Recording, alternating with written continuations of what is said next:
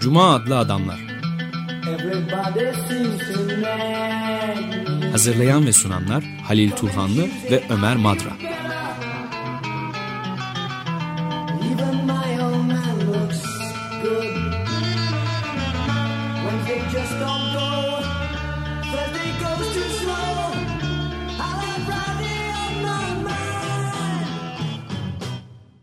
Merhaba Lil, hoş geldin.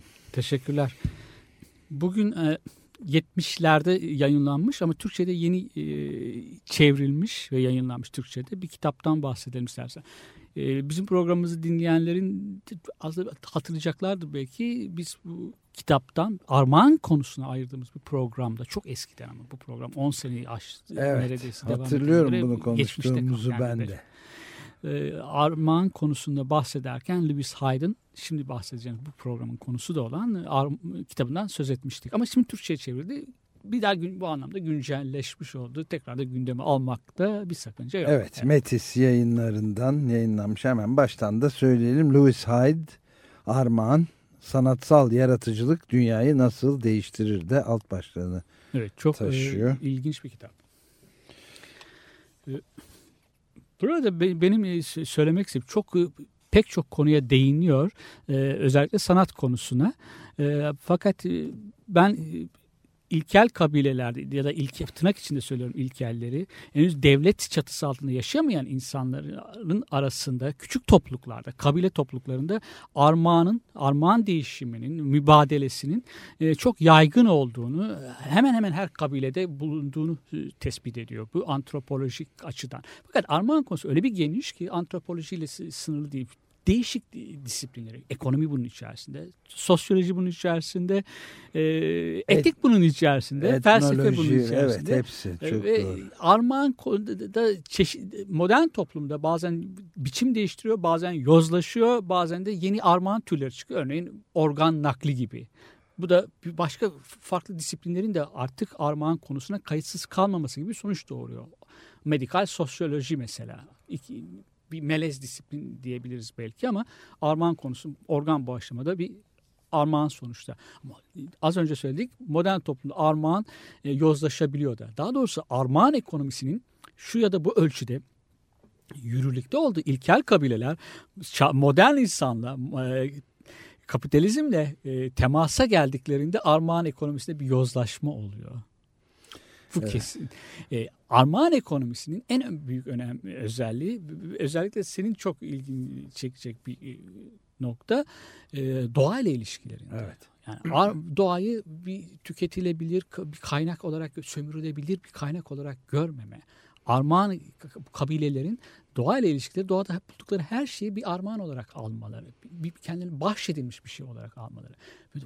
Doğa, bu böyle bir ortamda bir bereket var. Hiçbir zaman kıtlık yok. Hiçbir zaman onlar şeyden e, yakınmıyorlar. Müreffeh toplumlar. Tam bizim modern toplumun müreffeh olması bir idealdir de programlar, hükümet programları hazırlanır. Ama bu il, il- ilkel toplumlarda armağan ekonomisi sayesinde büyük ölçüde müreffeh toplumlar hiçbir zaman kıtlık yaşamıyorlar. Bir örnek verelim istersen. E, Lewis Hyde'ın e, verdiği örnekleri tekrarlayalım. E, Alaska'da Kuzey Pasifik kıyılarındaki e, yerlilerin e, balık av, ringa balığı ya da somon balığı avlayan yerliler.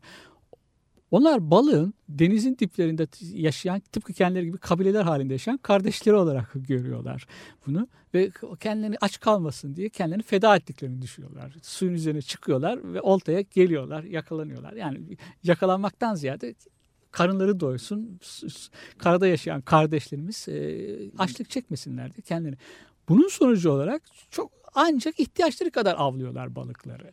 Ve hatta kılçıklarını da tekrar denize bırakıyorlar. Bu denize tohumlamak gibi bir şey. Hiçbir Evet. zaman yani burada e, bir tür dönüşüm e, dönüşüme doğadaki dönüşüme recycling o dediğimiz şeye tekrar dönüşüme inanıyorlar. O bilinç e, ge- gerçekleşiyor. Evet, aynı konuda e, bir- kitap yayınlamış olan e, Ali Akay'la da e, Rahmi Ödül programında konuşuyordu geçen hafta.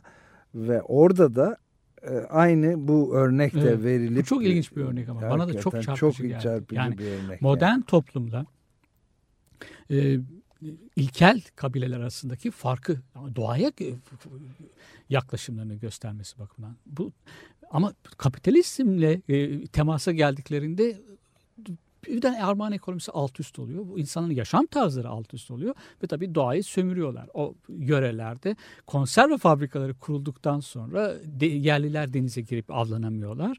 Ee, orada mevsimlik işçi olarak konserve fabrikalarında çalışıyorlar. Borçlanıyorlar. Armağan ekonomisi böylece alt üst oluyor. Ama daha da önemlisi armağanın niteliğinin değişilmesi. Armağan bir bolluk, verilen insanlar arasında bir ilişki yaratıyor. Bir dostluk, bir dayanışma. Armağan ekonomisinin yürürlükte olduğu yerlerde bir dayanışma var insanlar arasında. Ama doğada da var armağan ekonomisi. Yani insan şeyde hayvanlar arasında da var e, şeyde Darwin'deki e, kör pelikan örneğinde. Kör pelikana arkadaşları şey getiriyorlar. E, balık getiriyorlar. O avlanamıyor çünkü. Darwin sadece göze göz dişe diş şey değil Darwinizm. Böyle Öyle yorumlamak eğilimi çok evet, var tabii. Evet. Güçlü kalan kalır evet, diye. Ama o çok basit. Güçlü olan, farklı bir okuma. Evet farklı bir okuma elbette. Ee, insanlar arasında doğada da böyle bir şey var. Armağan ekonomisi e, söyleyebiliriz. Ama kapitalizme temas ettiklerinde hem bozuluyor hem de e, biçim değiştiriyor. Armağan artık e, dayanışmanın örneği ihtiyaç duyulanlara karşılıksız verme, bir gönül zenginliğini, bir cö cömertliği ifadesi olmaktan ziyade bir gösteriş haline geliyor. Potlaç için mesela. Evet. Boğaz'ın e, söylediği Marcel Mauss, Potlaç Armağan'ın e, kötü çocuğudur gibi bir sözü var. Ama bu doğru yani biçim değiştirmiş. Armağanın biçim değiştirmiş. Yozlaşmış bir biçimi potlaç. Kabileler işte karşılıklı olarak birbirlerine gösteriş, zenginliğin gösteriş, Şimdi, göstermek kim, amacıyla. Evet potlaçın ne olduğunu da iki saniyeyle paylaşalım istersen. Bir tür armağan türü. Evet, ama bir tahribe dayanıyor. Evet, Malı varlığını, bütün varlığını kim daha fazla yok edecek, evet, yarış. imha edecek yarışı oluyor. Evet, potlaç yani, bu. Armağan ekonomisinin en büyük özelliği zaten tüketim ekonomisinin tam karşıtı olması, tüketimden farklı olması. E, tüketici insan e, doymaz tüketim bir ihtiras. İhtirasla hareket eden insan aç karın açlığıyla falan alakası yok. Yok tabii. Fiziki, e, biyolojik ihtiyaçlarla falan şey yok doymaz. Tükettikçe tük, tükettikçe tüketiyorsun. Ama demin verdiğimiz örneklerde sen de söyledin. Bir başka programdaki açık radyo programcılarının da söyledikleri gibi o yerlilerin örnekleri doğayda sadece avlanabileceği, sadece karnını doyurabilecek kadar. Evet çok e, naif, saf değil. Öldükten sonra denize bırakmanın bir anlamı yok belki balıkları. Ama doğaya ne kadar yaklaştı, nasıl yaklaştıklarını göstermesi bakımından. Evet, Kuzey Amerika kızıl yerlilerinde de çok rastlanan evet. bu tip Hı -hı. şeyler var değil mi yani? Evet, evet. Doğa doğanın tam bir parçası olup yani e, ihtiyatlılık, basiret ilkesi evet, de yani. bunu gerektiriyor zaten. Doğayla ne kadar e, dostane bir ilişki kurduklarını. Şey Aksi takdirde hep beraber yok olacaklarını da bilmez olurlar mı? Tabii ki biliyorlar. Evet yani çünkü doğanın bağrında yaşıyorlar. Evet. Doğadan besleniyorlar. Doğanın o, o koşullarda yaşıyorlar. Şimdi burada Lewis Hyde'ı e, tamamlamak babında haddimiz, haddim olmayarak bir şey söyleyeyim. Sir James Fraser'ın o altın dalında da vardır. Büyü e, din ve bilim. Büyü aslında aradaki dini çıkarırsam büyüyle bilim birbirine benzer yakındırlar der. Bu verdiğimiz örnekler, aktardığımız örneklerde yerliler doğanın nasıl döndüğünü, nasıl doğanın yasaları, kendine özgü yasalarını anlamışlar. Yani neden sonuç ilişkisi tam olarak kavrayamamışlar ama doğadan ihtiyacından fazla alırsan, tüketirsen, sömürürsen sonunda o şey olamayacak. Yani bunun bir intihar olacağını, evet. bir sonu var. Onu anlamışlar. Ama beyaz adamlar geliyorlar dediğim gibi ne kadar alabilirse, ne kadar alırsa ne yörede ne somon balığı kalıyor ne de başka bir şey. Yani denizleri kurutuyorlar. Deniz yani deniz çok bereketin ifadesidir. Deniz de kum, denizde su. Ama evet. tük, son, denizde balık ama tükeniyor sonuçta. Evet yani bu ıı, içinde bulunduğumuz işte korkunç şimdi çok ıı, büyük bir boyut kazanmış olan kriz mali krizin evet. de hatta bunalım da 2008 bunalımına doğru da kesin olarak gidiyor ve muhtemelen bir daha hiçbir şey aynı şekilde eskisi kesin gibi öyle. olmayacak. E, onun temeli de tam bu açgözlük, ihtiras evet, evet, kaynaklarının evet. çok ötesinde bir takım e, enstrümanlar bulup, hı hı. araçlar bulup e, daha daha daha fazla evet, evet. daha fazla nasıl tüketebilirim evet. anlayışına dayalı ve sonucunda görülüyor. Yani iki ekolojik kriz de ekonomik kriz aslında birbiriyle Tabii tamamen toplumla, bağlantılı. toplumla tetikliyor. doğa arasındaki çok yani insanın toplumdaki yaşayışı toplum kurduğu toplum düzeniyle doğaya yaklaşım arasında birbirinin uzantısı aslında. Aynen öyle. Yani. Yani kapitaliz doğanın bu kadar tahrip edilmesi kapital, kesinlikle kapitalizmin sonucu. Bir şey daha söyleyeceğim şarkıya geçmeden önce. Bir de modern toplumda armağanın yozlaşmış biçimi. Verdiği bir örnek bana hem gülünç geldi hem de ilginç geldi. Ee, 1970'lerin sonlarında Amerika'daki bazı şeyler e, Burger King mesela McDonald's gibi ya da Domino Pizza rekabet ediyorlar birbirine. Ortalama bir ailenin işçi ailesinin işte e, haftada 3 gün falan dışarıda bu tip yerlerde yemek yediğini ama bu tip yerlerde yemek yerken de çocukların tercih anne babaların anne babaların çocukların fikirlerini sorduğunu. Çocuklar onları çekiyor oraya. Ben bugün King Burger'da yemek istiyorum gibi. Bu tip yerler, e, zincirler, fast food zincirleri armağanlar dağıtmaya başlamışlar. King Burger'de bir cadı veriyorsun çocuklara. Tabii bu armağan falan değil. Çocuklara verilen bir rüşvet. Ee, e, yani ve işte Bunun ben ismi armağan oluyor ama değil. Hal hiç alakası yok. evet yani belki de en uç noktası bu. Benim de Ne kadar yozlaştığını gösteren. sürekli takıldığım mesele budur mesela. Bir çocuklarla Çocuk filan beraber aslında. Evet, çocuklarla beraberken filan e, eskiden şey derdim. Aa bak e, bütün insanları ne kadar seviyor bu şirketler ve hediye veriyorlar Evet. bize diye. Baba niye öyle söylüyorsun? Bizi işletiyorsun filan diyor. Evet. E, niye sevmeseler niye hediye desinler ona diyordum ben de o zaman Yani, yani. acayip bir sömürü var. Çocukların e, anneler çocuklarını kır- kıramıyorlar. Onların anneyle çocuk arasındaki bağın bir duygusal bağı sömürüyorsun. Çocuğun sömürüyorsun. E, Böyle çift katlı bir sömürü var. Evet. Dediğim gibi o, hediyeyle falan hiç alakası yok. Tam bir rüşvet. Evet tam bir rüşvet. Rüşvetin adına da hediye diyorlar. Armağan diyorlar. Acayip bir şey evet. Peki bir ara verelim şimdi ve Bob Dylan dinliyoruz. I Want You adlı şarkıda.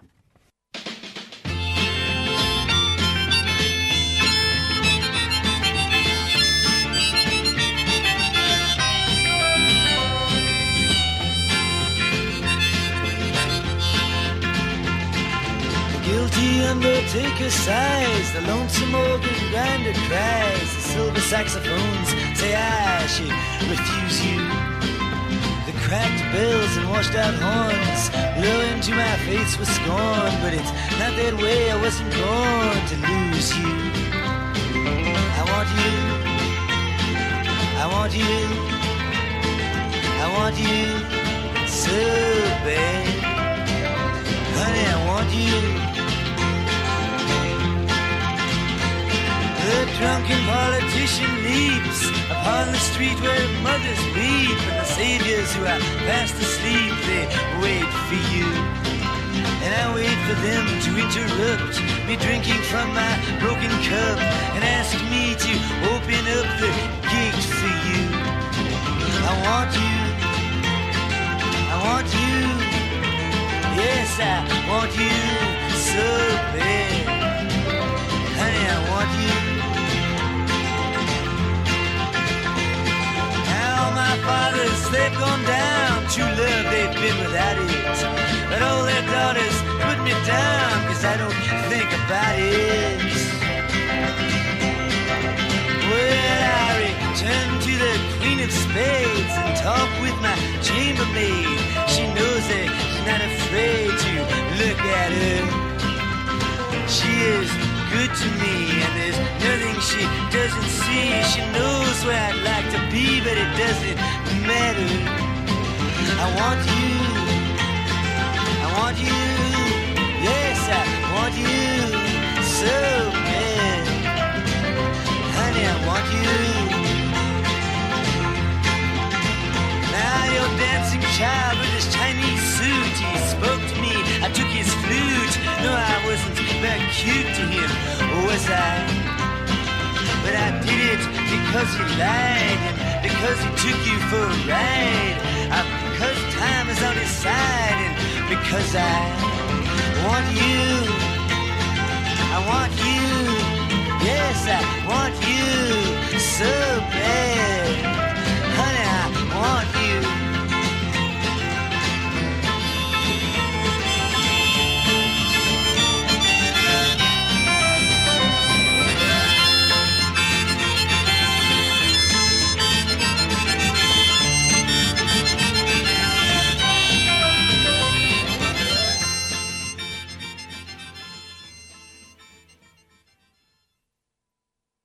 Want You idi dinlediğimiz parçanın adı Bob Dylan'ın bir şarkısıydı. Evet, e, Cuma adlı adamlardayız. Açık Radyo 94.9'da ve Armağan üzerinde e, konuşmaya devam ediyoruz. Çok uzun yıllar önce yaptığımız eski programlarda da bunu konuşma fırsatı bulmuştuk. Hatta elimizdeki kitabın da Metis yayınlarından yayınlanmış olan Louis Hyde adlı yazarın Armağan Sanatsal Yaratıcılık Dünyayı Nasıl Değiştirir kitabının da orijinalinden o zaman bahsetmiş olduğumuzu da hatırlıyoruz. Bu Metis'in yeni yayınlanan çevirisinde de 2008'de yayınlandı. Eylül'de yani çok yeni e, Emine Ayhan çevirisiyle çıkmıştı. Onun üzerinde konuşmaya devam ediyoruz. Aynı anlamda Ali Akay'ın da bir kitabı yayınlandı. Şimdi demin verdiğimiz örneklerde, aktardığımız örneklerde daha doğrusu yerlilerin doğayla ilişkilerinde bu tam da Thomas Hobbes'un e, ilke, doğa durumundaki insanın devlet e, çatısı altında yaşamadan önceki sözleşme öncesi insanların e, birbirlerinin kurdu oldukları teorisini o varsayımın o fantazisinin saçma olduğunu bize gösteren örnekler. Evet. Burada Hobbes iktidarı insan üzerindeki devlet iktidarının, merkezi iktidarın ve dolayısıyla da tahakkümün e, meşrulaştırmak için insan doğasına böylesine bir karamsar bakışı var. Yani e, doğal haldeki yerlerin hiç de öyle olmadıklarını görüyoruz aslında. İnsan insanın kurduğu ancak daha sonraki oluyor. Modern insan birbirine daha yırtıcı, daha vahşi, daha barbar oluyor. O yerler e, zıpkınlarla balık avlıyorlar. ihtiyaçlarını görmek için ya doğayla da öyle atom bombaları falan yok onların. Burada bu çok e, sözleşme teorisinin çok çeşitleri var. Yani Hobbes'un devletle kurdukları insanların yetkilerini devlete verdiklerini e, sözleşmeler Russocu bir şey e, sözleşme teorisi arasında dağlar kadar fark var elbette. Evet. Russo doğada yakın hatta pek çok bakımdan örnek alınabilecek şey, e, görüşleri, tezleri var onun sözleşme teorisinde. Ama Hobbes'un de bir insan doğasına çok kar, karamsar bir bakışı var. E, o iktidarı meşrulaştırmak ama için. Ama galiba o bu iktidarı meşrulaştırmak için de ancak insanı bu kadar aşağılayarak iktidarı meşru kılabiliyorsun. Kabul ettirebiliyorsun Hı. insanlara. Rasyonalize edebiliyorsun. Bu görüş tam ve pek çok Rusya'da bunların içerisinde liberter sosyalistlere çok yakın bulduğum bir düşünürdür benim.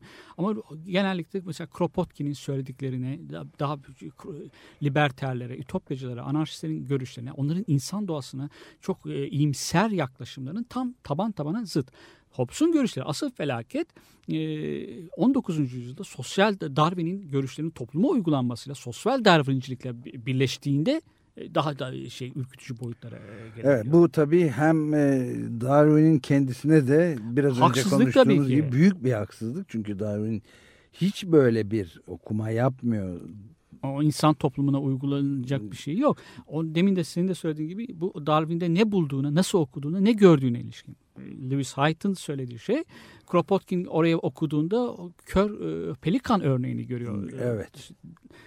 Darwin'de. Başka örnekler de var. Ama yani doğada da dayanışmaya dair başka örnekler de var. Ama Thomas Hobbes'un takipçileri e, Darwin'in teorilerinin doğadaki doğa içinde geçerli değil ama herkesin birbirine düşmanı olduğu, ölümüne, e, ölümcül bir şekilde ilişkilerin yürürlükte olduğu bir doğal düzümünü aynen toplumsal toplum içinde geçerli olabilirler. Bu toplumu da e, devlet olması ya da bir merkezi bir iktidar, bir otorite, bir mutlak bir otorite ama. E, bununla insanları evet. üzerine baskı kurmalı ve onların e, o tutkularını, ihtiraslarını gemlemeli. Ancak böyle mümkün olabilir insanların. Evet Bu, eğer tam tabii Thomas Hobbes haklıysa e, o zaman belki de haklı da e, çıktığını görebileceğiz. insanın e, sistematik olarak evet. hem kendi hem cinslerini türünde olanları hem de bütün doğadaki canlı varlıkları e, tarumar edip yağma, ganimet neredeyse şeklinde yorumlaması tüke, tüketebileceğinin çok üstünde bir şeyle tüketme iştahıyla gitmesi belki de Thomas Hobbes'un o zaman Thomas Hobbes haklı Bu- demekten ziyade ben şöyle anlamayı tercih ediyorum. E, Thomas Hobbes'un öngördüğü örgütlenme insanları örgütlenme biçimi insanları vahşileştiriyor. Yani muhtemelen evet, evet, yani o ben de zaten şeyde e, Hobbes'u haklı bulduğumu söylemek hiçbir Evet. zaman Yani- istemedim de. doğa durumundaki insanlar çok daha bizden şey oldukları, e, ya- yabani, vahşi olmadıkları e, kesin. Burada bir şey daha var yani Thomas Hobbes e, mutlaka e, bir insanların bir toplumda yasalar mı geçerlidir? Bir şeyler yasalar mı da- dayatmalıdır insan? İnsanlar doğal yasalar olmaksızın yaşayamazlar mı? Uyumlu bir toplum yani birbirleriyle ilişkilerini saygı, özgürlüklerine saygı duydukları, adaletli ve iyi toplum. Yasalar olmaksızın mümkün değil mi? tepeden aşağıya onları bir- birileri e, yasaları, normları dayatmaksın mümkün değil mi? Yani doğa halini yaşamak e, halen mümkün değil mi? Ona yaklaşmak mümkün değil mi? Sorusu sorulabilir. Şimdi bir örnek daha var orada. Anabaptistlerin e, ve diğer o isyancı köylü ayaklanmaları sırasında insanların e, bütün e, borç sözleşmelerini, vergi kayıtlarını hepsini ateşe verdiklerini söylüyor. Daha sonra da İtalyan anarşistlerinin örneklerini veriyor. Burada yapmak istedikleri şey e, bir Thomas Hobbes'un o meşrulaştırdığı, iktidarı meşrulaştırdığı hukuk düzeninin e, ateşe yakıyorlar. Bunun yerine neyi koymak istiyorlar? Gönül bağlarını, gönül ilişkilerini. Doğal Borç yasalar aslında. değil. Yani Evet. yasalar çok ya, hukukun olduğu, yas, çok yasaların çıkartıldığı bir toplum iyi bir toplum anlamına kesinlikle gelmiyor. İyi bir toplumu yapan insanların birbirine karşı şeyleri, saygı, bilinçleri Evet dayanışma, empati, sempati, Evet. gönül dediğin o öyle bir şey zaten. yani yani. yerlilerin toplumunda e, doğayı korumak için ne diye ya doğa yasa ki- kirliliğe karşı yasalar çıksın ki? Yani Evet. doğaya yaklaşımlarında insanlar doğaya sömürü alanı olarak yaklaştıkları için bunu dizginlemek için yasalar çıkıyor şeyde insanlar e, çıkarma gereğini duyuyorlar. Ki Çevre kirliliğini önlemek için yasalar. Bir nebze işte önleye, ne kadar önleyebilirlerse. Ama çevre bilincinin, çevre duyarlılığının ge- ger- yerleşmiş olduğu bir toplumda bu yasalara hiç gerek yok. Benim bunu okurken aklıma bir şey geldi. İngiltere'de e, sıra bekleme yasası çıkmış bir tarih. Çok eski bir tarihte. İnsanlar e, İkinci Dünya Savaşı sırasında belki de Birinci Dünya Savaşı'nda bilemiyorum. Kuyrukta beklemek için bir yasa çıkmışlar. Ama artık kuyrukta beklemek için bir yasaya gerek yok. Çıktı o yasa yürürlükten kalkmış. Ya da geçe şey e, e, değersiz kalmış. Çünkü e, birisinin sırasını almaya çalışmak yasalara aykırı bir davranış değil, ahlaka etik olarak Evet, ya, ayıklanacak bir elbette. davranış. Yani Şimdi bu bana çok ilginç bir şey de hatırlattı. İki dakika müsaade edersen bunu da ekleyeyim. Yani Ekvador'da bir iki hafta önce anayasa, yeni bir anayasa kurucu meclis anayasa yaptı yeni başkanla birlikte. Ve burada dünya tarihinde, insanlık tarihinde ilk defa olan bir şey oldu ve anayasaya bir madde koydular. Doğanın e, kendi bütün canlı ve cansız varlıklarıyla doğanın kendisinin e, ayakta kalma, kendini sürdürme, direnme ve doğal çevrimlerinin de yürütülebilmesi hakkını bir temel hak olarak evet, doğaya veren do- bir Kızılderililerin dilini de Evet. yansıtan oradaki yerlilerin mantığın anayasaya yer almış olması. ya diyorsun. bu inanılmaz Bence de bir öyle. şey. İlk Bence de defa öyle. Doğru, böyle doğru, bir şey doğru. oldu ve bütün Ekvator vatandaşları da kendilerine herhangi bir zarar gelmemiş olsa dahi bu hukuk olarak Evet. çok ilginç bir şey. Alışa geldiğimiz bu kapitalist ve neoliberal özellikle düzende çok hiç alışa, alışmadığımız bir şey bu. Yani herhangi bir şekilde doğaya verilen bir e, zarara karşı dava açabiliyorlar. Evet. Kendilerine bir şey olmasa bile. Tabii temel belgelerde yani al- alınıp alınması o bilincin yerleşmesi kuşaktan kuşağa geçmesi bakımından önemli. Ve zamanla da onlar o demin verdiğimiz o sırada bekleme yasası, kuyruk Evet, ihlal etmeme tabii. yasası gibi geç, kendinden geçersiz o, kendi- bilinç yerleştirilme. olması gerekir. Evet. Ama yani iyi bir toplum o, yasaların olabildiğince az oldu. Yazılı yasaların, yazılı belgelerin o iyi bir toplumdur. Yani onlara ihtiyaç duyma, duymazlar. Hukuk hukuk devleti dediklerinde ben biraz irkiliyorum. Yani e, çok e, adaletli bir şeymiş. Türkiye hukuk devletidir. Bunun- Ama Türkiye daha çok bir kanun devleti tabii. Evet, işte hukuk kan- devleti değil. ama hukuk da yani doğal Evet. hukuk anlamına gelmiyor. Evet, Ben- evet. Bence öyle anlıyorum. Kitabın alt başlığında da vurguladığı bir şey var. İkinci parçaya geçmeden istersen kısaca ona da değinelim. E, sanatla armağan arasındaki evet. o çok ilginç. Sanat e, sanatçı e, armağanlandırılmış kişidir. Gifted. Evet öyle de. Ye, yetenek anlamında evet, yetenek, da söylenir. Yetenekle armağan aynı anlama geliyor evet. zaten. Birisi bahşetmiştir onu. E, kendisi oturup yazmaz. Birisi e, esin meleği gelir. Müz evet. gelir onu yoklarlar. Gecenin çok kuytu bir saatinde, ıssız bir saatinde, tenha bir saatinde gelirler. O da masanın başında yazar kendi armağanını başkalarına bahşedilen şeyi dağıtır bir şeylerle paylaşır e, yazar da. Sanatta bir armağan ekonomisi. Müzikte de Müzik de öyle, resimde öyle, evet, yazıda evet. öyle, hepsinde öyle. Çünkü başkalarına yaşama sevinci vermeye vermek ister. Kendi o bazen çok karamsar bir yazar da sana e, yaşama sevinci verir. Evet, Dostoyevski'de de bulabiliriz. Evet, Kafka'yı da. Ta, kesinlikle öyle. Evet. Bir direnme gücü verir evet. hayatta. Bir yaşama sevinci verir. Ben yani çocukluğumda hep yaşama sevinci veren yazarları tercih etmişimdir. Verdiği örneklerden bir tanesini ben de çok favori e, şairimdir. Walt Whitman mesela. Evet. Bu kadar gönlü gani bir şair e, ben düşünemiyorum. Yani paylaşan, kendinden veren hasta bakıcılık yapıyor mesela o örneği bütün şey kaçak köleleri ki saklıyor Walt Whitman. Müthiş bir şey. Benim verdiğim örnek Andrejit mesela armağanlar dağıtan bir şeydir, e, yazardır. Dünya nimetleri. Kendisi uzun bir hastalık döneminden çıktıktan sonra e, doğanın ne kadar bahşedici olduğunu anlatır ve insanlara bir yaşama sevinci verir. Dylan Thomas Hı hı. Okuruyla kadeh tokuşturan, okuruna içki ısmarlayan bir şairdir bence böyle şair olarak. Onunla oturup şiir, ok şiir okumaktan ziyade bir iç, masada sohbet ettiğim bir şairdir. Armağan dağıtırlar. Evet, böyle. Türkiye'den de mesela Orhan Veli'nin çok bu nitelikte biri olduğunu söylemek evet, mümkün Orhan, bence. Olabilir. Yani böyle çok isimler var. Çok, evet, evet, gönlü gani. böyle gani. Evet. Yani bunu, dediğim gibi e, sanatın şöyle bir şey var. E, sanat e, yani ikilemi var daha doğrusu. Sanat meta piyasasının piyasanın dışında kalmaya çalışıyor.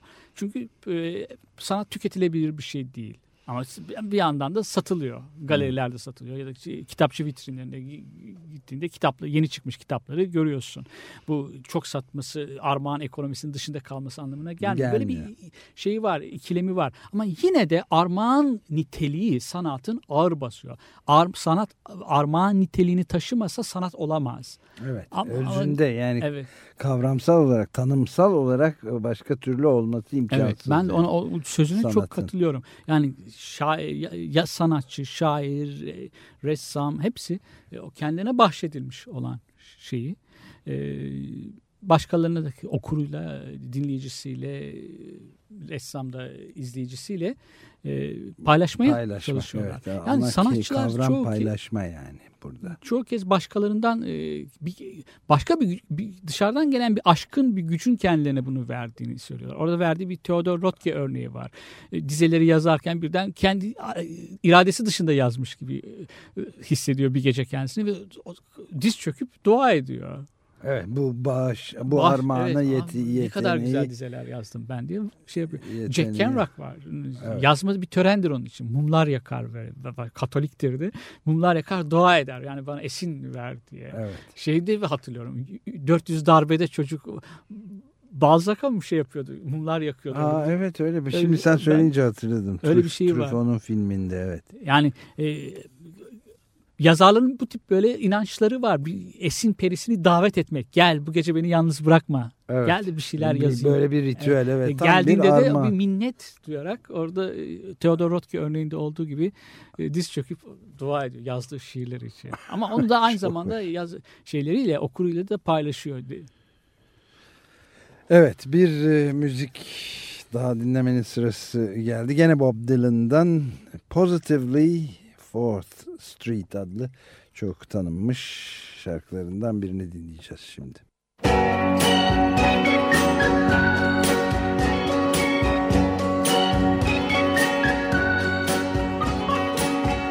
You got a lot of nerve to say you are my friend.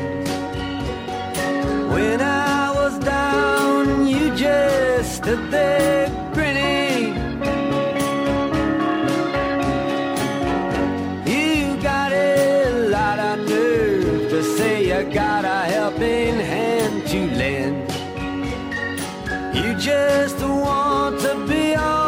side that's winning. You say I let you down. You know it's not like that. If you're so hurt, why then don't you show it?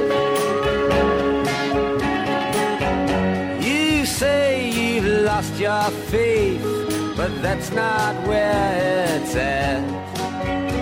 You have no faith to lose, and you know it. I know the reason that you talk behind my back. I used to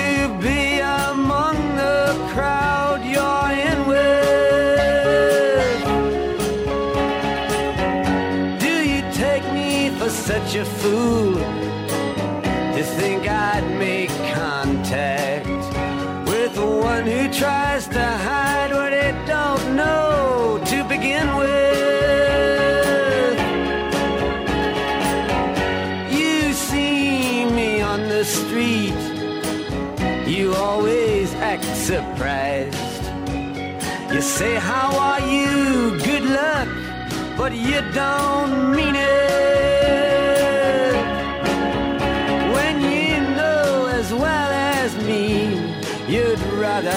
Me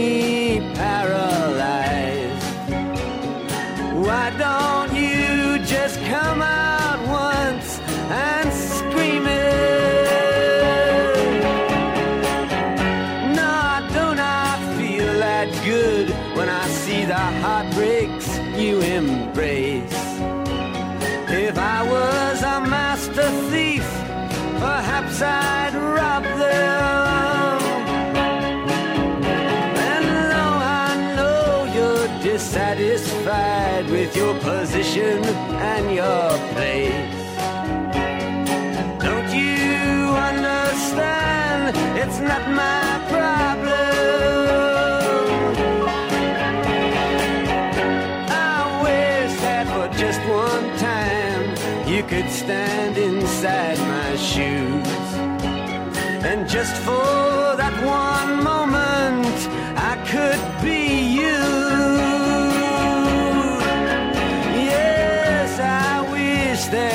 just one time you could stand inside my shoes.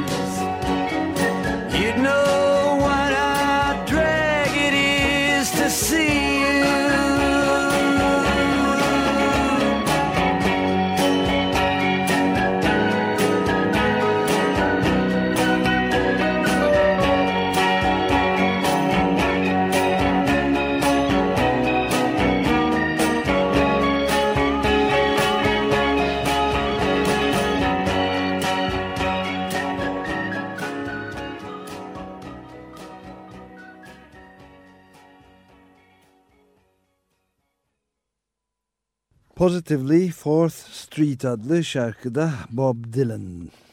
Bunu dinledik ve Cuma adlı adamlar programı Açık Radyo'da 94.9'da devam ediyor. Yarım saati geçmiş durumda ve armağan kavramı üzerinde tekrar duyuruyoruz. Bu programda daha önce de üzerinde konuştuğumuz çok önemli kavramlardan biri ve her alana giriyor. Daha önce bu programın başında da konuştuğumuz gibi hem e, teolojinin dahi konusu olabilecek felsefenin, e, ekonominin ve tabii ki antropoloji ve etnolojinin en temel kavramlarından biri çok sayıda bilim insanının da düşünürün de üzerinde kafa patlattığı bir kavram. Biz de elimizde e, Louis Hyde'ın Armağan adlı kitabı Metis yayınlarından tekrar yayımlanmış. Tam da e, Ali Akay'ın da bir kitabına denk geldi ve bunu tekrar gündeme getirmiş olduk aynı adla. Şimdi aklıma da bir şey geldi. Yani okurken de aklıma geldi. Kitap e, İngilizce'de 1970'lerin ortasında yayınlanmış. E, o eklentide yapılmamış. Mesela Derrida'nın o tarihten bu yana e, ve armağan konusunda e, Çalışmaları çalışmaları var. var. Mesela Evet. onu ekle e, yani giderek bu konudaki literatür daha zenginleşmiş olduğunu söyleyebiliriz. Demin senin söylediklerine felsefe, etik, pek çok alan, pek çok disiplin armağanla ilgileniyorlar. Onu İşte konu- bir de e, Fransa'da e, Mos diye bir dergi var şeyin adından alma. Marcel Mauss. Marcel Mos'un adından ama aslında karşılık e, ekonomisinin eleştirisi yani e, mevcut ekonomik sistemin eleştirisine yönelik bir dergi Evet. var. İşte Alain Kaye, e, Ahmet İnsel'in de aralarında bulunduğu bir grup düşünen insanın da çalışmalarını sürdürdüğü bir Evet. dergi de var. Hı hı. Ben de bu e, Armağan'ın antropolojiyle çok yakından ilgili. Zaten Armağan konusundaki ilk ciddi antro- yazılardan bir tanesi galiba Marcel Mauss'un yazdığı yazı. Evet. Çok yakın zamanda tam o- bu kitapla da denk geldi. Laura Nader'ın e, bir şeyi var. İlkel toplumlarda ihtilaf çözümleriyle ilgili antropolog Ralph Nader'ın şey e, kız kardeşi. Öyle mi? Ha, e, bilmiyorum. antropolog.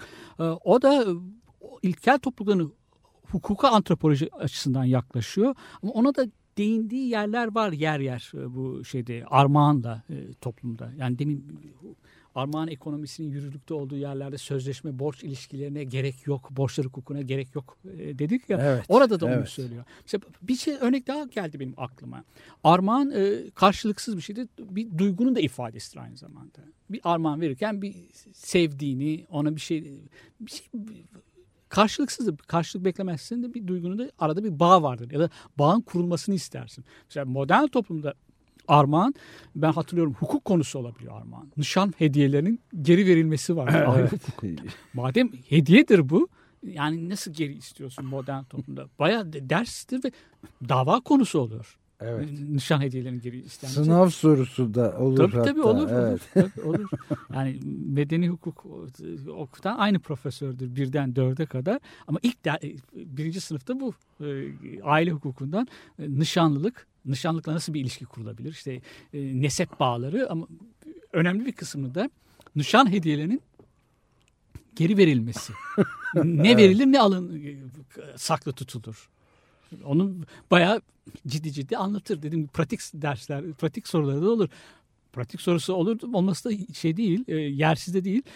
Gerçek hayatta da başına gelebilir. Başına geliyor çünkü insan. Benim sesi. başıma geldi. Öyle mi? Kısa süren, çok uzun süren bir, bir arka, avukatlık deneyimsizde bir arkadaşımın nişan hediyesini geri alma davası şey geldi. Ama bu hediye e, nişanlısına verdiği aile yani sarraftan aldığı bilezikler falan değildi. Değil. Hatırladığım kadarıyla. Aile yadigarı. Aile, aile yadigarı vermiş ve geri alıyor. Şimdi ben o zaman ne Lewis Hyde'ı okumuştum ne Marcel Mauss'un bu görüşlerinden ne de Potlaş'la ilgili Evet. bırak bağışla diyemedim tabii. Davayı da almıştım. Hediyeleri de geri aldığımı hatırlıyorum. Aldınız yani, Evet, o zaman başardınız. arka- evet hala görüyorum çocuğu. Yeniden evlendi. Şimdiki karısında mıdır mücevherler? Annesinden kalanları bilemiyorum. Artık. İlginç olan bu. Yani hediyenin modern toplumda e, hediyenin anlam, ne kadar anlamının değişmiş olması. Bir evlilik bağı kurulursa hediyeyi alıp alabilir, kadın saklı tutabiliyor ama tutulmazsa e, nişan hediyesi olarak geri alab- alabiliyorsun yani. Bu, Evet. E, şimdi- okurken de bu gelmişti. E, şimdi bütün hayatımızda işte mesela e, bu cep telefonuyla ne kaç kontör konuşursa insan ona karşılık ek hediye olarak yeni konuşma hakkı rüşvet, verdi. hediye. E, hediye hediye adı hediye. Bunların hepsi rüşvet baştan çıkarma te- yöntemleri. Hiçbiri değil. Ya da işte bir tane pizza yersem yanında da bir tane Coca-Cola Evet, bedava veriyor. ya da bir pizzada bir pizza daha. daha veriyorlar. Bir de şey var hediye mesela e, daha az ucuz daha ucuza al. Daha az öde. Pop, ayakkabıları vardır bilir misin? Payless shoes. Hayır bilmiyorum. O zaman bir şey, şey vereyim? Girdiğinde hemen ikinci ayakkabıyı şey alıyorsun. e, yarı fiyatını alabiliyorsun. Evet. Ama bayağı da baştan çıkaracak hakikaten. İkinci çift evet benim mesela alırsın. bu Evet. Payless shoes'tan aldığım ama güzel ayakkabılar fena da değil. E, Ama baştan çıkarabiliyor. Ama Etkili oluyor. hediye değil. Kesinlikle hediye değil tabii Evet. ki. Bazı yerlerde ikinci ayakkabı bedava da alabilirsin. İki tane alıp tabii üçüncüsünü bedava alabilirsin. Artık kampanyasına bağlı. Oradaki e, bölge sorumlusu, branch manager'ın şeyine kalmış bir şey bu. İnisiyatife de kalmış bir şey oldu. Evet tabii Armağan'ın bir başka yönü de gene e, Rahmi'nin programında da sözü edilen bir şey var. Mesela tanışmanın da çok önemli ilişki, sosyalleşmenin de çok önemli rollerinden biri. İşte bir otobüs yolculuğunda ya da tren Evet. yolculuğunda seyahatte filan. İşte bir sakız bir şey ikram ediyorsun. Kolonya bir şey eskiden sigara Evet. içilirken sigara ikram edilirdi filan. Bu da çok önemli bir sosyalleşme Evet, yolu doğru. yani. Doğru yani O armağan işte gerçek. o armağan yani karşılıksız olmaz. Beklentisi bir şey almamak, geri istememek bütün bunlar tabii o armağanın belirleyici özelliği Evet. ama modern toplumda bu verdiğimiz az önce verdiğimiz örneklerin armağanla falan hiç, hiç bilgisi O- yok. Ayakkabılarda Söke söke dahil, alıyorlar, evet. Bir e, sanatla ilgili bir örnek daha şeyin e, Ezra Pound'un örneğinden vereceğim. Aktaracağım daha doğrusu Lewis Hyde'a dayanarak. Ezra Pound e, huysuz bir yazarmış. Walt Whitman gibi değil. O seyirci, e, din, okuyucusunu paylayan bir yazar hakikaten. E, e, kendisi dışında yaza, yazarların, çizenlerin, sanatçıların dışındakilerin mankafa olduğuna da inanan bir ya bunu da duyuran bir- birisi, hissettiren Şöyle, birisi. evet. Ama karşı arkadaşlarının arasında da son derece cömert biri olarak biliniyor. Pound öyle mi? Ezra Hmm. Pound. Mesela T.S. Eliot için yaptığı Hmm. bir şey var. Ee, iyiliksever bir girişimi var. Biraz fiyaskoyla sonuçlanıyor ama daha çok başka örnekleri de var. James Joyce'a da yaptığı şeyler var, iyilikler var. E, T.S. Eliot'un Çorak Ülkesi'ni okuduğunda çok etkilenmiş. O zaman da bankada çalışıyor T.S. Eliot. Ama böyle bir adam bankada çalışmasın, devamlı şiir yazsın demiş. Bir yardım kampanyası başlatmaya Evet, çalışmış. ne kadar ilginç bir şey. Yani. İlginç fakat kampanya pek yardım veren çıkmıyor ve T.S. Eliot'e onuru kırılmış. Kendisinden habersiz olarak yapılan bu kampanyanın sonra haber alıyor. E ama haberli de olmaz tabii. Çünkü haber verse bu sefer de asıl o zaman onuru Evet. kırılacak tabii. Bir başka örnek kendisi Dial örgü- örneği, ödülünü alıyor. 2000 dolar galiba e, ya da pound. Bankadaki o faiz, yıllık faizini ihtiyacı olan arkadaşlarına dağıtıyor. 8 arkadaşına her ay böyle para dağıtılmış. Bir örnek daha James Joyce örneği. Hmm. James Joyce'un e, bir genç adamın e, Portresi. portresi, sanatçı olarak portresinde Sanatçı olarak. E, yazdığı yıllarda James Joyce'ı da o zaman tanımış ve ona işte yardım bir, bir yerlerden ya, telif ücreti ödenmesini sağlamış. Olabildiğince yüksek bir ücret ödenmesini sağlamış. Fakat asıl yüz yüze geldiklerinde ya Fransa'da ya da İtalya'da e, Ulysses'i yazdığı yıllarda James Joyce'u gördüğünde üzerinde bir palto var. Ayağında da tenis ayakkabıları. Kış gününde. Soğuk ve İtalya çok zengin, ılıman olabilir ama yine de kış günü üzerinde palto giydiğine göre hava soğuk. Evet. Ayağında da ona göre bir ayakkabı olması lazım. Ee, bunun üzerine James Joyce'un böyle bir adam Ulysses gibi yani e, iyi bir şey çıkacağını tahmin ediyor. Ona yardım etmek istiyor. Yani böyle bir yardımlaşma şeyi var. Şimdi şiirimle iktisat teorim arasında diyor e, şey e, Ezra Pound e, bir bağlantı vardır diyor. Yani iktisat teorisi. Onun iktisat teorisini, iktisat teorisini, siyaset, siyasi iktisadını saçma bulmuşlardır. Gerçekten de yer yer saçma. Yani Evet. ve kendisi çok saf aslında. O dinleyicisi, okuyucuları daki saflık onu da var. Mussolini entelektüel falan zannediyor. Yani bütün şiirlerini falan okuduğunu zannediyor. Sizin şiirlerinizi okudum demiş Mussolini. Buna inanmış. E, niye yalan söylesin koskoca Tabii. Mussolini diye Ee, düşünmüştür. Onun iktisat teorisinde bir antikapitalist bir yön var. Yani iktis- öyle bir iktisat teorisi öngörüyor ki Joyce, e, şey pardon e, Pound, Pound. e, yaratıcı yazarların e, hiç geçim sıkıntısı çekmeden yazmalarını, kendilerini sanatta, sanatçıların vakfetmelerini, e, bütün zamanlarını yaratıcıda ayırmalarını. Ama bu onun iktisat teorisi böyle bir sonucu ulaşabilir mi? O hali tartışılır. Tabii. Evet. Antikapitalizmi de biraz sakat. Antikapitalizmi antisemitizmle çok yakından ilgili. Tefeciliği işte Yahudilerden biliyor. Antikapitalizm bu sefer antisemitizme dönüşüyor şeyde. Son derece e, ka- kapitalist, antikapitalist olmak güzel bir şey. Ama iyi tahlil edersen, iyi analiz Evet, edersin. iyi, tabii. bir e, ırkçılığa seni sevk edecekse e, Mussolini'nin Hitler'in de yaptığı da o. Onlarda da çok antikapitalist söylemleri var. Var tabii. Ama Zaten adı büyük bir nasyonel ırkçılık var. sosyalist zaten. Tabii no, na- ulusal sosyalist. Ulusal, solcu sosyalist. yani. Evet, ulusal solcu. Solcunun bir ismi nasyonel sosyalist. Ulusalcı. Evet. İlginç Yani bir. son derece şey ama bu reformlarla birlikte Lut- Luther'in, Martin Luther'in e, İncil'i yorumlamalarını, tefeciliğin ortaya çıkmasını, onların sanatı öldürdüğünü söylüyor. Tefecilik doğaya aykırıdır. Usura sözcüğünü kullanıyoruz. Doğaya aykırı bir şeydir insan doğasına. Tefecilik çıktı. Kapitalizm doğdu. Sanat öldü. Resim battı. Kantolarında öyle bir kaçıncı hmm. kantosu bilmiyorum. 46. kantosu galiba. Sonra bulundu sanat. Resim cehennemi boyladı sonra. Sonra bulandı sanat. Resim cehennemi boyladı sonra. Bu e, buradaki Kanto da 1927 yıllarından söz ediyor. Hem Thomas Munzer'in ayaklandığı yıllar hem de köle isyanlarının ayaklandığı dönem hem de Martin Luther'in kapitalizmin, Martin Luther'in ve Calvin'in kapitalizmin, e, faizciliğin, işte bugünkü banka sisteminin temellerini attıkları Atı, dönemlerden evet. bahsediyor Zapan. Evet bir iktisat teorisi var. Lewis Hyde'ın söylediği gibi e, zannedildiği kadar saçma boşa atılacak, çöpe atılacak, tukaka denilecek bir şey değil belki e, iktisat teorisi ama e, şey de değil. E,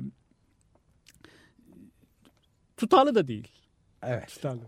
Zaten iktisatçı da değil. Bir e, şey yapalım mı? Bir müzik daha dinleyelim şimdi. The, The Gun Club'a geçiyoruz buradan ve Sacred Fires e, pardon Secret Fires adlı şarkıyı dinliyoruz. Abi.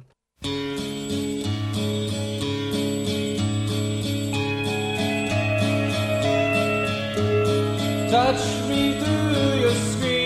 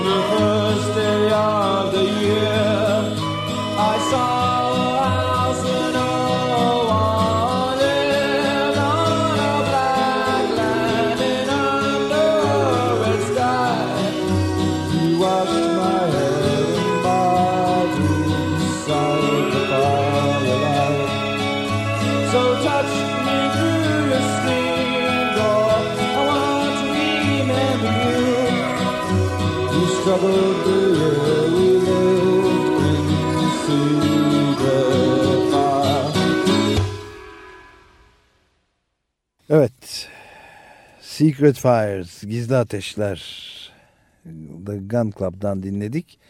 Ve Cuma Adamlar programımızın da Açık Radyo'da sonlarına doğru yaklaşıyoruz. Bugün ele aldığımız konu zaman zaman değinmiş olmayı, de, üzerinde konuşmaya çalıştığımız armağan ekonomisiyle, sanatsal yaratıcılığıyla dünyayı nasıl değiştireceği konusunda da Louis Hyde'ın eski bir kitabının yeniden Türkçe'de yeni yayınlanmış olan e, Metis yayınlarında ondan kalkarak ama Armağan'ın genel değerlendirmesini yapmaya çalıştığımız bir program bu.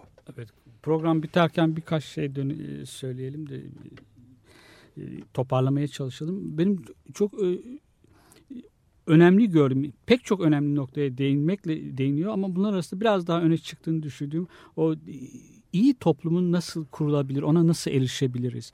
Bu armağan ekonomisi doğru küçük topluluklara, komünitelere dedi, özgü bir şey. Küçük topluluklar, büyük topluluklarda pek e, mümkün olamayacağı düşünüyor. Ben öyle düşünmüyorum. Yani armağan ekonomisini e, tıpatıp tabii ki e, Alaska yerlileri gibi uygulayamayız. O mümkün değil. Ama ona yaklaşan bir şey e, de gerçekleştirebiliriz. Daha doğrusu kapitalizmin bu vahşiliğini törpüleyebilecek bir armağan ekonomisinin kimi unsurlarını, bazı unsurlarını modern toplumun içerisinde de geçerli kılabileceğimizi düşünüyorum. Bu Görk Zimmel'in de e, gönül borcu kavramıyla da çok yakından ilgili gibi geliyor bana. Yani insanların bir şey yaparken onları zorla zorlamaya gerek duymaksızın başka insanlara karşı sorumluluklarının bilincinde olmaları. Çünkü modern toplumda e, şöyle var. Senin e, benim özgürlüğüm başkasının özgürlüğü başladığı yerde biter. Böyle bir şey yok. Özgürlük Jean-Luc Nelson de söyledi. Bizim de bir programımızda işlediğimiz, ona ayırdığımız programda işlediğimiz gibi ilişkisel. Yani evet birbirimizin ilişkilerimizde bunu şey yapabiliyoruz. Ee, bunu kastım şu bunun armağan ekonomisiyle insanların birbirlerine e, şeyleri olması, sorumluluklarının olması çok basit verdiğimiz örnek sıraya geçmeme, e, birisinin sırasına geçmeme. Bu bunun e, yasalarla düzenlesen ne olur, o düzenlemesen ne olur? Birisinin sırasına geçtiği için iki günlük hapis cezası versen ya da para cezası kessen bu hiç önemli değil. İnsanların bunu yapmamaları, bunu böyle bir borçlarının olmaları, böyle bir yükümlülüklerinin olması, bunun bir yasal yükümlülük değil, bir etik yükümlülük, etik sorumluluk olarak hissetmeleri. Gönül borcu bu biraz gönülden şey yapıyor. E, bundan kaynaklanıyor. Bir cömertliğin yanı sıra bir sor, başkalarına karşı sorumluluğu da e, dikkate alan e, bir şey bence. E, insanlığın bu ahlaki belliğidir e, lafını kullanmış Zimmel. Doğru. Hmm, yani insanlığın doğru. böyle bir geçmişi evet. var. Ama insanlık bu geçmişi e, dönsün demiyorum bunun mümkün olmadığını biliyorum. Ama bu geçmişin kısmen Unutmasın olsa hiç olmazsa evet, bir kere böyle olsa, bir geçmişi. E, bu böylesine e, acımasız bir toplumda e, şeyde insanların bırakalım armağan vermeyi birbirinin ellerindekini almaya çalıştıklarını arsızca hiçbir şey yapmaksızın e, ihtiyacı olmadığı şeyleri insanlar Evet ve bunu yani. göremeyip Hı. sonunun sınırlarını kendi ekolojik yaşam sınırlarını evet. göremeyip intihar evet, etmesi evet, anlamına evet. geliyor bu. Toplumun Rabbena hep doğru. bana diye kolektif, bir intihar. kolektif bir intihara evet. dönüşüyor. Öncelikle yoksul ve zayıf kesimlerden Hı. başlayarak bütün toplumu böyle bir intihara evet. intihar ediyor. Çok toplumu. doğru söylüyorsun. Ee, yani e, burada e, armağan ekonomisinin kısmen de olsa e, sevgi bağları üzerine toplu, kurulu bir topluluk biraz böyle çok şey olabiliyor. Etik bağlar üzerine. Evet. Topluluk bize bir toplum e, oluşmasına bize katkıda bulunabilir. Bundan ben armağan ekonomisini o şeyler gibi çok ütopyacılar gibi naif düşünmüyorum. Yani Kropotkin'in görüşleri elbette 21. yüzyılın toplumunda gerçekleşemez. Bunlar yeter, yetersiz. Ama çok önemli dersler de var. Evet, bence de öyle ve ahlak buhranıyla çökmüştür yani, kapitalizm. Yeni bir rejimin e, gelmesinin çok daha ahlaka evet. ve vicdana dayalı bir rejim kurmak için var gücümüzde uğraşmalıyız. Evet, evet. Yani sözleşmelere o sözleşme bağlarına gerek yok. Hatta şunu da söyleyebiliriz. Belki de kapitalizmin başlangıcında dahi o kadar insanlar, tüccarlar daha dürüsttüler. Centilmenlik anlaşması oradan geliyor. Bu yazılı evet. bir şey değil centilmenlik anlayışı. Yani Aynen senin öyle. Al, mallarını Manchester'dan alıyorum, e, yüklüyorum ve orada başka bir yerde onları şey yapacağım. Denize atmayacağım. Zayi olmayacaklar. Evet. Onları... Fair trade dedikleri evet. adil ticarette bir lafta kalan bir şey değil tabii. Yani Armağan ekonomisiyle ilgisi şurada yazılı sözleşmeleri olabildiğince az. Sözleşme hukuku o kadar çok şey değil. Ee, bir hukuku, iyi bir toplum, adil bir toplumun göstergesi değil yazılı hukuklar. Onu demek evet, istedim. Aynen. Sözleşmeleri gerek olmaksızın insanlar şey yapabilirler. Etik bağlar insanları ayakta. Esas olan. Evet peki böylece programın da sonuna gelmiş bulunuyoruz ve Bob Dylan'la başlamıştık onunla da çıkış yapıyoruz. Onun çok ünlü şarkısı Like a Rolling, Rolling Stone'u dinliyoruz ve hepinize günaydın.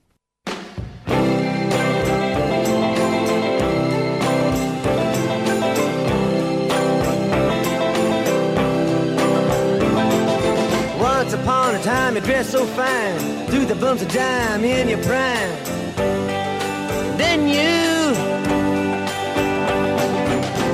people call, say beware doll, you're bound to fall. You thought they were all kidding you. You used to laugh about everybody that was hanging out. Now you don't talk so loud. Now you don't seem so proud about having to be scrounging. Your next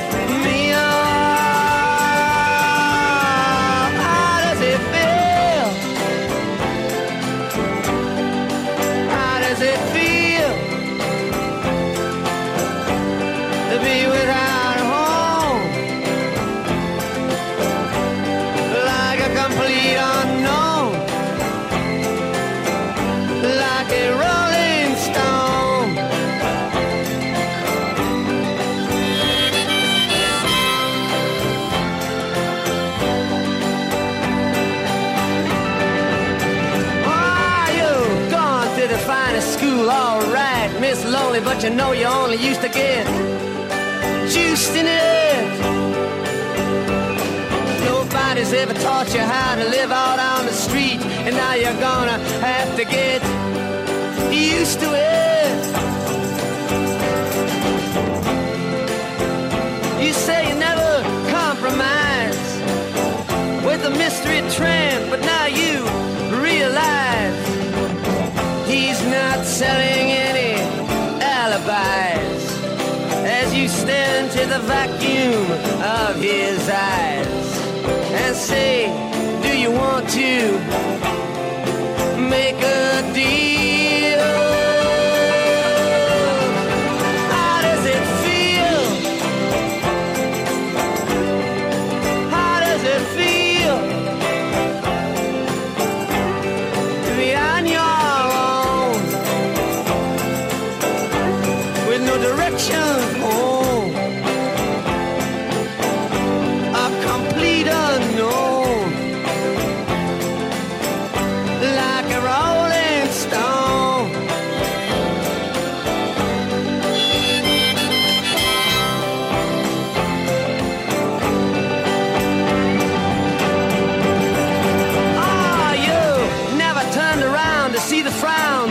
The jugglers and the clowns when they all did tricks for you.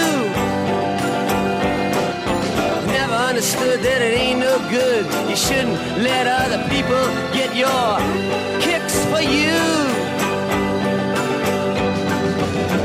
You used to ride on a chrome horse with your diplomat who carried on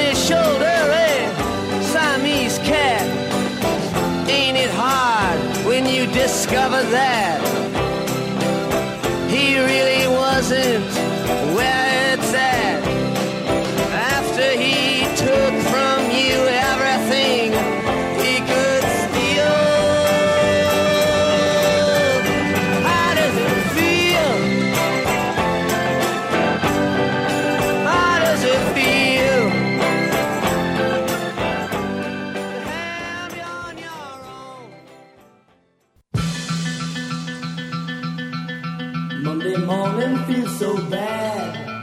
Cuma adlı adamlar. Hazırlayan ve sunanlar Halil Turhanlı ve Ömer Madra. Even my old man looks